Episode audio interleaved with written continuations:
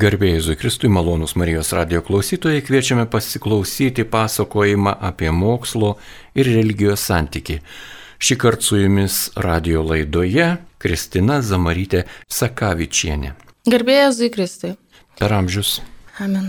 Taip, aš kalbėsiu apie tai, kaip aš matau mokslo ir krikščionybės santyki. Tai yra labai plati ir niuansuota tema, kurioje prirašyta daug knygų. Na, o šie dėl laiko stokos peržvelgsiu gana paviršutiniškai, pabandydama supaprastintai paaiškinti kai kuriuos man asmeniškai įdomiausius dalykus. Nors iš tiesų tiek į teologinius, tiek į mokslinius aspektus būtų galima leistis daug giliau. Aiškumo dėlį iš karto noriu akcentuoti, kad kalbėsiu apie mokslą angliškai science prasme. Tai yra apie gamtą mokslius, apie fiziką, astrofiziką, biologiją, chemiją, neurobiologiją, na ir kitus gamtos mokslus. Pastaraisiais šimtmečiais, o ypač 20-ajam amžiuje įvyko gamtos mokslų proveržis, kuris davė ypatingai reikšmingų žinių apie mūsų fizinį pasaulį, apie kosmologinę bei biologinę evoliuciją, apie mūsų pačių ir kitų gyvų būtybių kūnų genetiką, anatomiją ir fiziologiją, Gamtos mokslai parodė, kad tiek laiko, tiek erdvės ir materijos prasme Žemė yra tik labai labai maža kruopelytė visatoje visoje. O žmogus gamtoje, na, yra tik tai viena iš daugybės gyvūnų rūšių ant smulkių evoliucijos medžio šakelių. Moksle ir viešojoje nuomonėje Na, dėl šių atradimų ir kitų priežasčių įsivyravo taip vadinamasis didysis naturalistinis naratyvas, pagal kurį visi reiškiniai, objektai ir jų savybės gali būti paaiškinami vien materialiai, remiantis tiesiog fizikiniais procesais. Grubiai tariant, materializmas ar naturalizmas teigia, kad viskas, taip pat ir visa visata, gyvybė ir žmogaus sąmonė kilo iš materijos ir vystėsi vien atsitiktinumo ir gamtos dėsnių dėka kad tame atsiradimo ir vystimosi procese, na, neva nėra jokios intencijos, jokios galutinės prasmės, tikslo ir kad nieko nėra už gamtos. Materializmas tiki, kad visi reiškiniai, jeigu dar nėra, tai kada nors bus paaiškinti moksl, gamtos mokslais būtent. Ir šioje perspektyvoje tikėjimas į antgamtinius dalykus, į Dievą yra suvokiamas, na taip, redukcionistiškai ir instrumentiškai. Neva žmonijos religijos tai yra vėlgi evoliucijos būdu atsiradęs reiškinys, kuris padeda žmonėms elgtis vienas su kitu na, draugiškai, moraliai ir organizuoti didelės visuomenės. Todėl neva religijos kilo tam, kad geriau galėtų žmonė prisitaikyti prie aplinkos ir išlikti joje. O tikėjimas į Dievą pagal šią materialistinę perspektyvą yra naivus. Ir netgi, kaip sako kai kurie mokslininkai ateistai savotiškai tingus, nes atsisako ieškoti mokslinių atsakymų į svarbiausius žmoniai klausimus. Na ir aš noriu paklausti, aš manau, kad šiaip krikščionėms nekyla ta, tas prieštaravimas, bet verta galbūt dar kartą pažiūrėti, ar tarp mokslinio ir krikščioniško tikrovės pažinimo yra konfliktas ir prieštaravimas. Ar mokslas gali užimti religijos vietą, aiškinant pasaulio ir žmogaus atsiradimo istoriją? Tam, kad atsakytume į šiuos klausimus, verta apsibriežti, kokius mes, kaip nematerialistai, žinome būties arba tikrovės lygmenis ir kaip vyksta jų pažinimas. Na tai akivaizdžiausias tikrovės lygmuo, dėl kurio mes sutarėme su materialistais, yra materialus pasaulis. Jam priklauso visa negyva materija, tai žvaigždės, planetos, taip pat visos gyvybės formos, augalai, gyvūnai, na ir žmogus kaip gyvas biologinis organizmas. Visą materialaus pasaulio visumą dar galima vadinti gamta, visata, kosmosu. Kaip mes pažįstame materialius objektus ir reiškinius? Materialus pasaulis, fiziniai objektai yra pasyvūs pažinimo procese. Jie leidžiasi būti pažįstami be jų sutikimo. Juos pažįstame tiek kasdienių, įprastų kiekvienam būdu, na, kai mes pačiupinėjame, paragaujame kažko, matome kažką savo akimis, ir taip pat moksliniais metodais. Pagrindiniai moksliniai metodai, kuriais pažįstamas materialus pasaulis, yra eksperimentas ir stebėjimas. Šių metodų pagalba mes surinkę empirinius duomenis, analizuojame, kelime hipotezes, kūrėme mokslinės teorijas, jas verifikuojame, na ir žiūrime, kiek tos teorijos atitinka naujus eksperimentų ir stebėjimų rezultatus. Taigi tiek kvantiniai reiškiniai, tiek tolimos galaktikos, tiek gyvūnų rūšys ar augalų ekosistemos, arba, pavyzdžiui, ir mūsų pačių organų veikla yra mokslinio pažinimo proceso objektai. Jei mokslinių stebėjimų duomenys labai aiškiai patvirtina kažkokią teoriją, na, pavyzdžiui, kad Žemė yra apvali, kad atomas yra sudarytas iš elektronų ir branduolio, tai mokslas tuos rezultatus pripažįsta ir nėra galimybės su jais nesutikti. Todėl, na, įrodyti mokslo faktai apie fizinį pasaulį yra vienodai suprantami tiek Tokijoje, tiek Vatikane, tiek Vilniuje ar Vašingtone. Kitas būties ligmuo yra dvasinis pasaulis arba dvasinė būtybės. O šioms būtybėms yra būdingos tokios savybės - protas arba intelektas ir laisva valia. Jei materija paklūsta tik gamtos dėsniams ir veikia tik pagal šiuos dėsnius, tai dvasinės būtybės yra, na bent iš dalies laisvos nuo gamtos dėsnių ir gali pačios laisvai priimti sprendimus, atlikti kažkokius veiksmus. Todėl dvasiniams būtybėms yra būdingas asmeniškumas, jos yra asmenys. Kokios yra tos dvasinės būtybės? Na tai pirmiausia Dievas, kitos grinai dvasinės būtybės yra angelai, o žmonės yra tokioj tarpiniai būkliai tarp materialaus ir dvasinio pasaulio, ta prasme, kad žmonėms būdinga tiek materiali, tiek dvasinė prigimtis - kūnas ir protas laisva valia arba savimonė. Kitaip tariant, žmonės yra kūniški asmenys. Kaip mes pažįstame tiesą apie dvasinės būtybės arba apie asmenis? Šiuo atveju pažinimo procese dalyvauja du asmenys - tas, kuris pažįsta ir tas, kurį pažįsta. Moksliniai metodai čia nebetinka. Pavyzdžiui, aš negaliu padėti savo vyro į kompiuterinį tomografą ir pažiūrėti jį pro kokį mikroskopą ir patikrinti, kaip jis mane myli, koks sąžiningas, atsakingas, ką galvoja, kokios jo pažiūros. Vienintelis būdas yra tą sužinoti, tai yra pasitikėti tuo, ką jis man pats pasako na, ir ką parodo savo laisvais veiksmais. Taigi, tokiame pažinimo procese abu asmenys yra aktyvūs dalyviai kurie savo valia dalyvauja pažinimo procese. Trumpai tariant, asmens pažinimas vyksta dialogo forma. Ir labai svarbus momentas, kad pažintume tiesą apie asmenį, mes turime, na, tikėti tuo, ką jis mums pasako, jeigu yra svari priežastis tikėti. Krikščioniškas tikėjimas siekia pažinti ir atstatyti žmogaus santyki su Dievu. O Dievas yra begalinė dvasia arba tobulas asmuo. Taigi jo pažinimui ir bendravimui su juo moksliniai metodai netinka. Kad mes pažintume Dievo asmenį, jis mums turi save preikšti, pasakyti tiesą apie save, o mes galime apsispręsti savo valia tikėti arba netikėti jo prieiškimu. Todėl religija yra toks svarbus tikėjimo ir pasitikėjimo aspektas, nes jis ieško tiesos apie Dievo asmenį, o ne apie materialius daiktus. Iš esmės, ką be atrastų gamtos mokslas apie visatą, kaip bet toli be nueitų, jis negali tiesiogiai prisiliesti prie Dievo asmens, nei jo įrodyti, nei jo paneigti, nes mokslas yra uždarytas savo metodologijoje. Jis gali tirnėti tik tai, kas materialu ir neturi priemonių pažinti dvasinio pasaulio. Todėl prieštaravimo tarp mokslo ir krikščioniško tikėjimo į Dievą na, nėra ir negali būti. Problemos kyla ne iš paties mokslo, bet iš klaidingos generalizacijos, kad tai, ko netyrinėja mokslas, neva ir neegzistuoja. Tai klaidingas mąstymo šuolis, kai nuo mokslo metodologijos nejučia padaroma išvada, kad visa yra būtis tik materiali, kuri pažini mokslo metodologijai. Pats mokslas šio šuolio nedaro, bet neretai padaro materialistinių pažiūrų mokslininkai, kurie, na, pavyzdžiui, rašo mokslo populiarinimo knygas ir mėgsta pafilosofuoti ir už mokslo ribų. O tai sudaro įspūdį, kad yra prieš priešą tarp paties mokslo ir religijos. Ši prieš priešą taip pat yra susijusi su klaidingu Dievo įsivaizdavimu. Šią prieš priešą mato tie, kurie, na, iš esmės nežino, koks yra krikščionių Dievas ir įsivaizduoja jį kaip spragų Dievą, angliškai God of the Gaps. Neva jis buvo reikalingas tol, kol žmonės negalėjo paaiškinti kažkokių sudėtingų gamtos reiškinių, kol buvo tam tikros mokslinės spragos pasaulio aiškinime.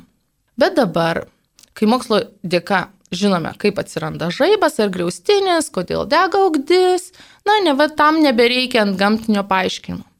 Ir visgi, tokie moksliniai atradimai gali pakenkti, na, nebent pagoniškiams dievams.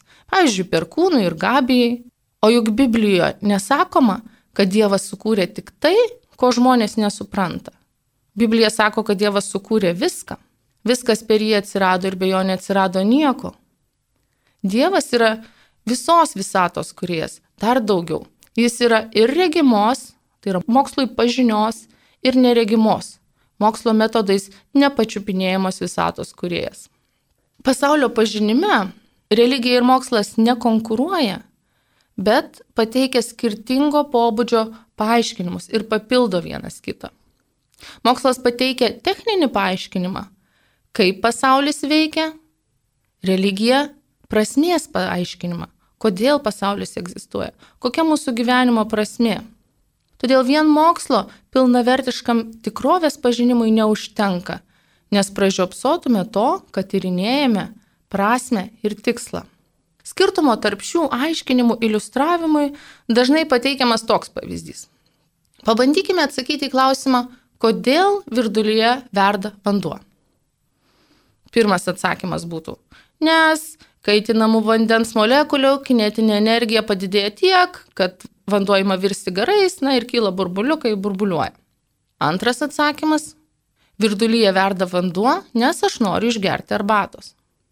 Pirmasis yra mokslinis paaiškinimas, o antrasis - prasmės, tikslo paaiškinimas. Ar šie du paaiškinimai vienas kitam prieštarauja?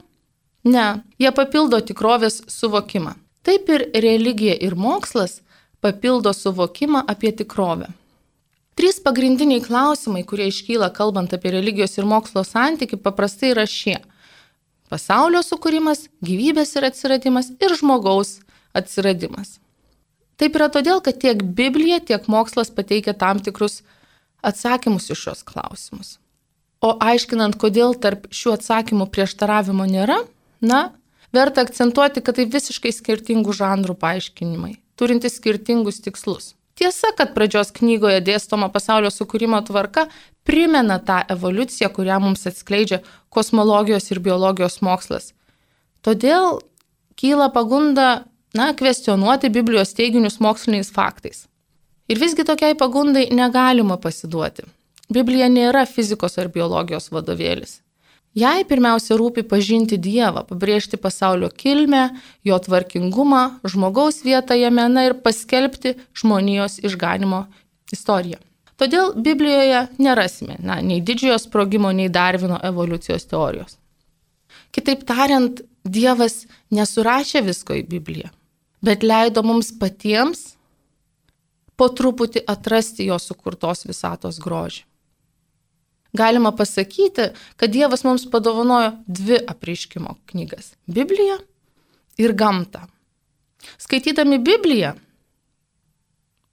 pažįstame Dievą, taip pat Dievo prigimti galime pažinti grožėdamėsi ir tyrinėdami jo kūrinyje - fizinį pasaulį, tiek makro, tiek mikrolygmenyje.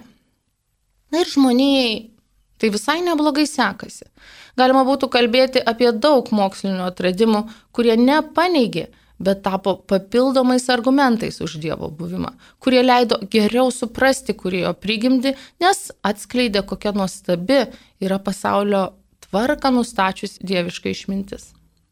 Kalbant apie tokius argumentus už, galima pradėti nuo visatos atsiradimo aiškinimo. Iki 20-ojo amžiaus mokslinis konsensusas buvo tai, kad visata yra iš esmės statiška ir amžina, visada tokia buvo ir iš esmės nekinta. Po to, kai Albertas Einšteinas 1916 metais publikavo savo bendrojo relativumo teoriją, remdamasis šiomis Einšteino liktimis, Belgijos katalikų kunigas Džordžas Lamaitras sukūrė teoriją, kad visata prasidėjo dėl pirmykščio atomo sprogimo. Tačiau dėl įsisenėjusio požiūrio apie amžiną visatą mokslininkų bendrėje ją rimtai nepažiūrėjo. Jie, mokslininkai, priešinosi ir net laikė teoriją apie didįjį sprogimą krikščionių sąmokslų, nes jį pernelyg gerai dėrėjo su Biblijos pasakojimu apie pasaulio atsiradimą.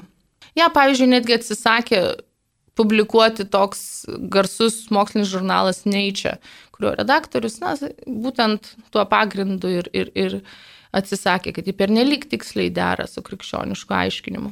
O pavadinimas Big Bang buvo sugalvotas kaip juokas, norint pasityčioti iš šios idėjos absurdiškumo. Tačiau 1929 metais labai garsus astronomas Edvinas Hublas pateikė įrodymų ir suformulavo teoriją patvirtinančią didžiojo sprogimo teoriją. Kad visata sparčiai plečiasi ir kad viskas prasidėjo nuo singuliarinio taško. Čia gal nesigilinsime į labai labai įdomius ir išsamius duomenys, kurie patvirtina, bet dar, dar keli rimti tyrimai patvirtino, kad visa tai iš tikrųjų prasidėjo nuo sprogimo ir sparčiai plėtėsi. Dabar jau astrofizikai nebejoja, jog visata turėjo pradžią, kai prasidėjo ne tik materija, bet taip pat ir laikas ir erdvė. Taigi mokslininkai palyginti neseniai prisikapstė iki visatos pradžios, kad ji buvo, kad visata nėra statiška. O Biblijoje Tai buvo parašyta prieš kelis tūkstančius metų. Tačiau mes neturime nei menkiausių mokslinių duomenų apie tai, kodėl įvyko tas didysis sprogimas, kas davė pradžią visatai, kas buvo ta pirmoji visatą užkūrusi priežastis.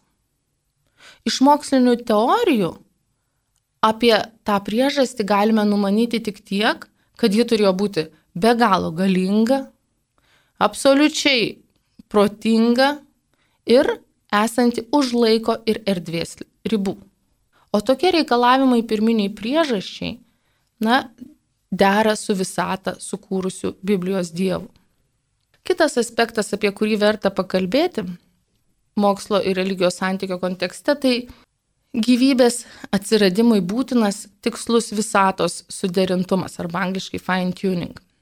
Mokslas ne tik patvirtino tikėjimo tiesą, kad mūsų pasaulis turėjo pradžią, Mokslas taip pat rodo, kad gyvename na, neįtikėtinai sudėtingoje, tiksliai ir labai protingai sukalibruotoje visatoje.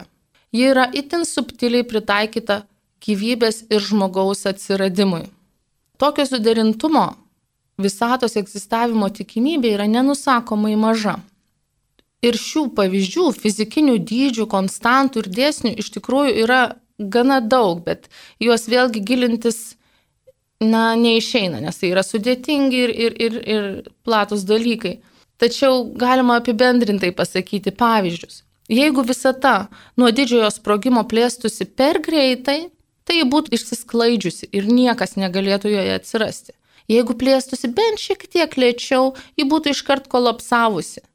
Visata atsiradimo pradžioje turėjo būti pakankamai lygi, kad neįvyktų katastrofiška turbulencija bet ir nepakankamai ir ne visiškai lygi, kad galėtų susiformuoti žvaigždės ir galaktikos.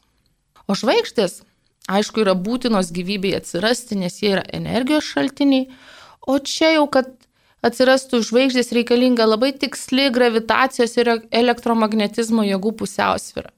Be to, žvaigždžių branduoliuose yra susintetinami gyvybei būtini elementai - anglis, deguonis ir visa Mendelėjevo periodinė lentelė. O čia vėlgi prasideda neįtikėtino sudėtingumo procesai, kurie būtų neįmanomi, jeigu nors kuri gamtos jėga būtų bent per plauką kitokio dydžio, negu jinai yra. Mes taip įpratome prie mokslinių paaiškinimų, prie gamtos dėsnių ir formulių, kuriuos atskleidžia mums mokslas, bet nepagalvojame, kaip tai keista. Jeigu iš tiesų viskas būtų atsiradę, kaip teigia materialistai, tiesiog šiaip, vien atsitiktinumo dėka, be jokios intencijos ir prasmės. Tai kodėl viską visatoje varžo dėsnio būtinybė? Kodėl visata nėra chaotiška? Mokslininkai, astrofizikai, fizikai, kvantinės fizikos specialistai stebisi visatos dėsnių ir konstantų tikslumu. Ir kaip jie mėgsta sakyti, matematinė elegancija.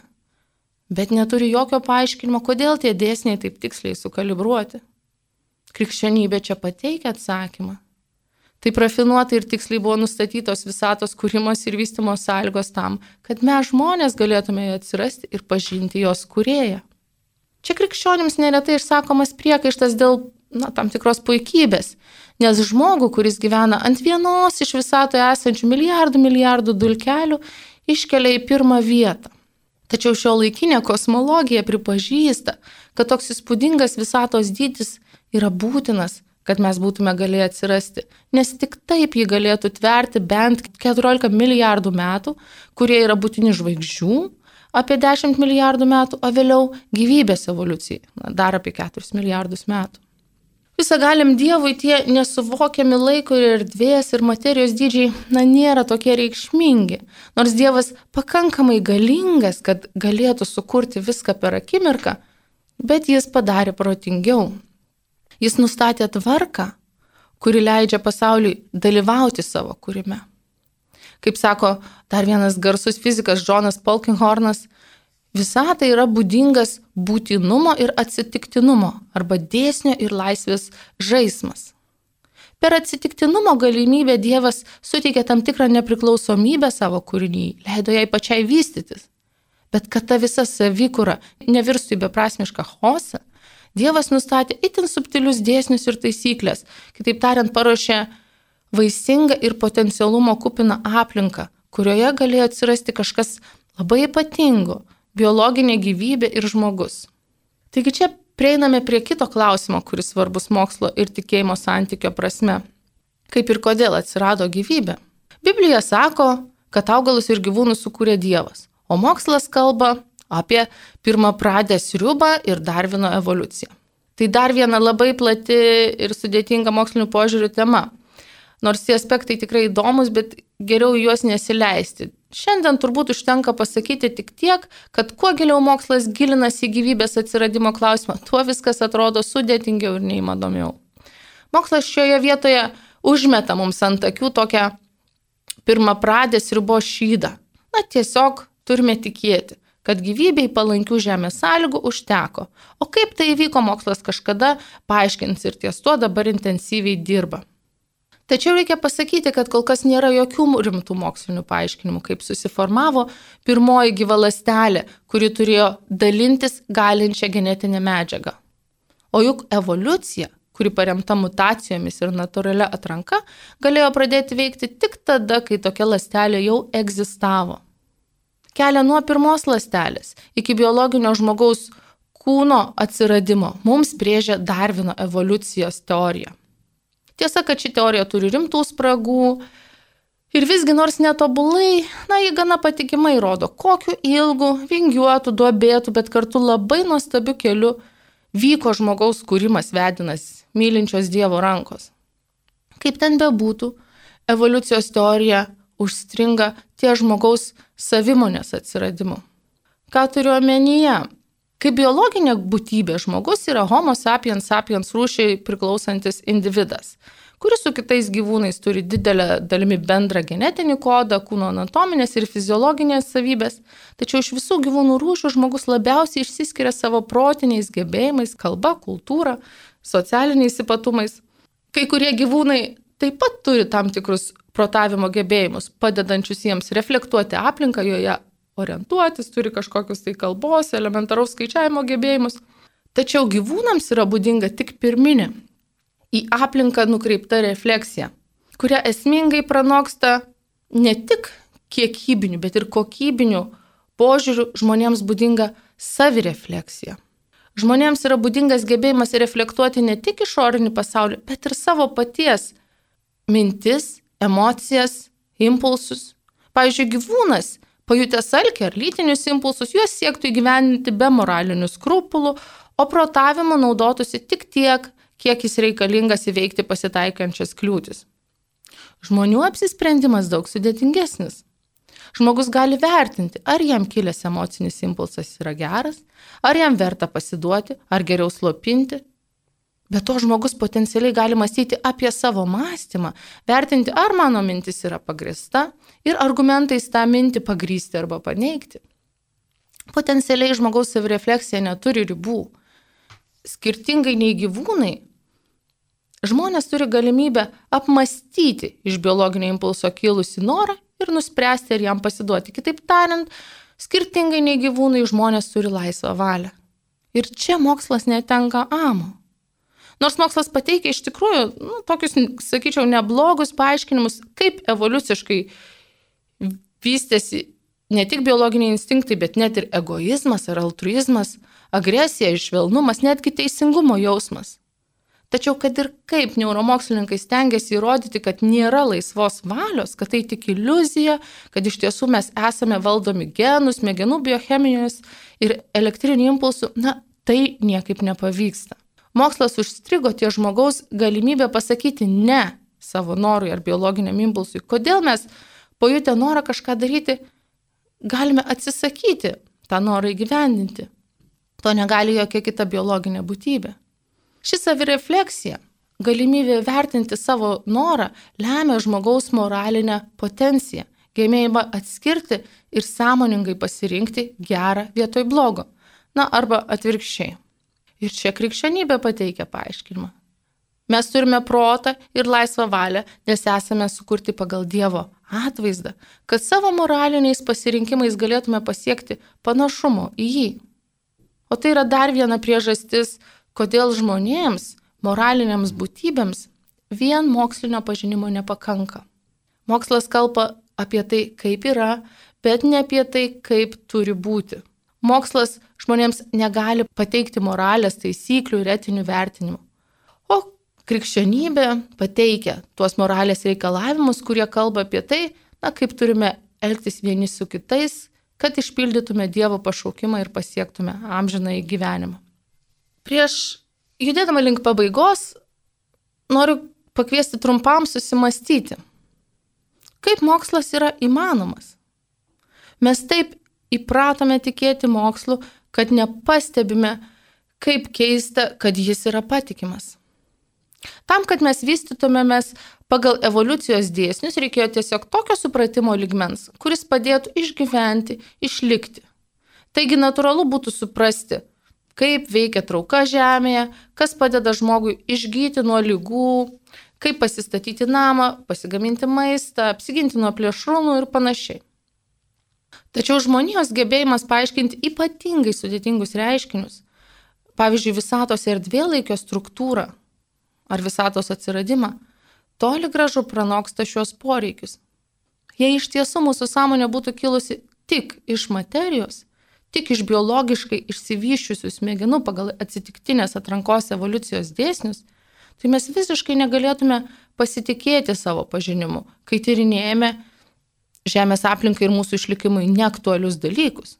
Kaip sako Oksfordo matematikas profesorius Jonas Lennoxas, materialistai šauna savo ne į koją, bet į galvą. Nes jeigu mes esame kilę tik iš atsitiktinai besivystančios materijos, Mes negalime pasitikėti savo gebėjimu pažinti tiesą. Mes pažintume ne tiesą, o tik gyventume smegenų generuojamomis iliuzijomis, kurios tiesiog padeda adaptuotis aplinkoje. Įtin keista, kad gebėjimą pažinti pasaulį, fiz, fizinį pasaulį mikro ir makro lygių teikia matematika, o ji yra grina mintis, tai yra žmogaus proto konstrukcija suformuoluota dar anksčiau negu išsivystė šio laikinis mokslas. Fizikai ir astrofizikai negali atsistebėti visatos matematinių grožių ir eleganciją. Tačiau nėra jokios svarios priežasties. Kodėl fizikos dėsniai, kurie galioja skrient žmogui nepasiekiamų šviesos greičių, gali būti apskaičiuojami matematiškai? Kodėl žmogaus logikai visiškai nesuvokiami kvantiniai reiškiniai visgi yra matematiškai tvarkingi?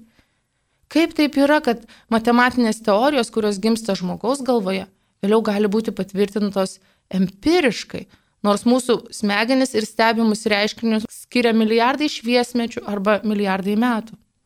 Kaip paaiškinti tokį matematikos efektyvumą? Mokslas nepateikė visiškai jokio atsakymo į tai. Jis tiesiog naudojasi matematiką kaip įrankiu, negalvodamas apie šį stulbinantį matematikos patikimumą tačiau jis logiškai dera su krikščionių tikėjimu, pagal kurį pasaulis egzistuoja Dievo mintyje.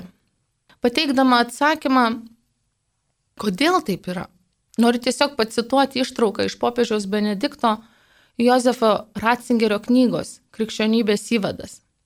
Ištrauka gana sudėtinga, bet man atrodo labai verta dėmesio.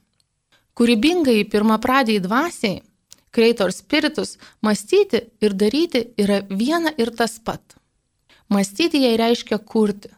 Daiktai yra, nes jie pamastyti. Tai savo ruoštų reiškia, kad visa būtis yra mintis. Visa būtis yra prasmė, logos, tiesa. Vadinasi, žmogaus mąstymas yra pačios būties atkartojimas mąstymu. Minties, kuri yra pati būtis atkartojimas mąstymu. Tačiau mąstydamas atkartoti logos, būties prasme, žmogus geba dėl to, kad jo paties logos, jo paties protas yra vienatinio logos logos, pirmapradės minties būti persmelkusios Dievo kuriejos mintis. Būtis tai mintis, todėl ją galima mąstyti. Vadinasi, tai mąstymo ir išminties trokštančio mokslo objektas. Trumpai tariant, mes, būdami panašus į Dievą, galime atkartoti jo mintis savo mintimis. Ir per žmogaus galvoje gimstančią matematiką, kuri kartu yra ir universali visatos kalba, mes galime atpažinti Dievo išminti kūrinyjoje. Na, vietoje apibendrinimo noriu pasakyti tai, kad kiekvienas tikintysis kartais abejoja, ar tikrai Dievas yra. Bet abejoja ir materialistinio paaiškinimo šalininkai. O jeigu vis dėlto už šių visų materialių dalykų Dievas yra? Tai yra konkurencija tarp skirtingų pasaulyje žiūrų, tarp skirtingų tikėjimų, Vieni tiki, kad viską sukūrė Dievas, kad pirmą pradį yra Dievo mintis, prasmė, logos, kiti, kad viskas kilo iš materijos. Bet nėra nei vieno mokslinio įrodymo, kuris paneigtų Dievo buvimą. Dar daugiau, nėra ir negali būti konkurencijos tarp mokslo ir tikėjimo į Dievą, nes, kaip sakiau, mokslas neturi metodų jo tyrinėti. Kiek klausimų bet atsakytų mokslas, jis krikščioniui tik gali parodyti, kaip Dievo sukurta materiali visata veikia, kokiu keliu į egzistenciją Dievas atvedė gyvybę, žmogų ir visą kitą. Ir kaip kalbėjome, mokslas pateikia ne įrodymų, bet argumentų už Dievo buvimą, nes atskleidžia kokią nuostabi, kokią protingą ir tiksliai sukurta visa Dievo kūrinyje. Tačiau niekada nebus absoliutaus įrodymo, kuris šimtų procentų patvirtintų ir parodytų mums Dievą. Juk krikščionybė teigia, kad Dievas žmonėms yra neregimas Jis nepatenka į regėjimo, pačiupinėjimo lauką, kaip tai daroma moksle su materialiais objektais. Žmogus yra sukurtas taip, kad jo akis gali matyti tik tai, kas nėra Dievas.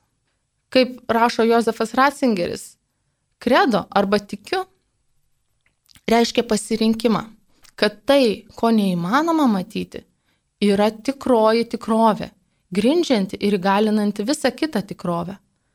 Tokia laikysena yra įmanoma tik per atsivertimą.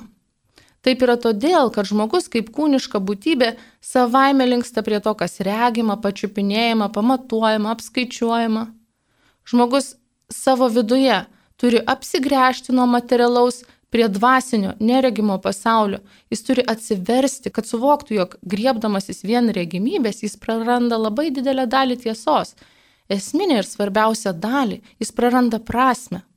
O kadangi tas polinkis į regimybę, į materiją egzistuoja visą laiką, tai žmogus kasdien turi save apgręžti vis iš naujo, tardamas tikiu. Na, tai gal tiek šį kartą norėjau papasakoti apie mokslo ir tikėjimo ir krikščioniško tikėjimo santyki. Geros dienos ir su Dievu. Malonus radio klausytojai, jūs girdėjote laidą, kurioje apie mokslo religijos santyki jums pasakojo Kristina Zamarytė Sakavičiane. Likite su Marijos radiju.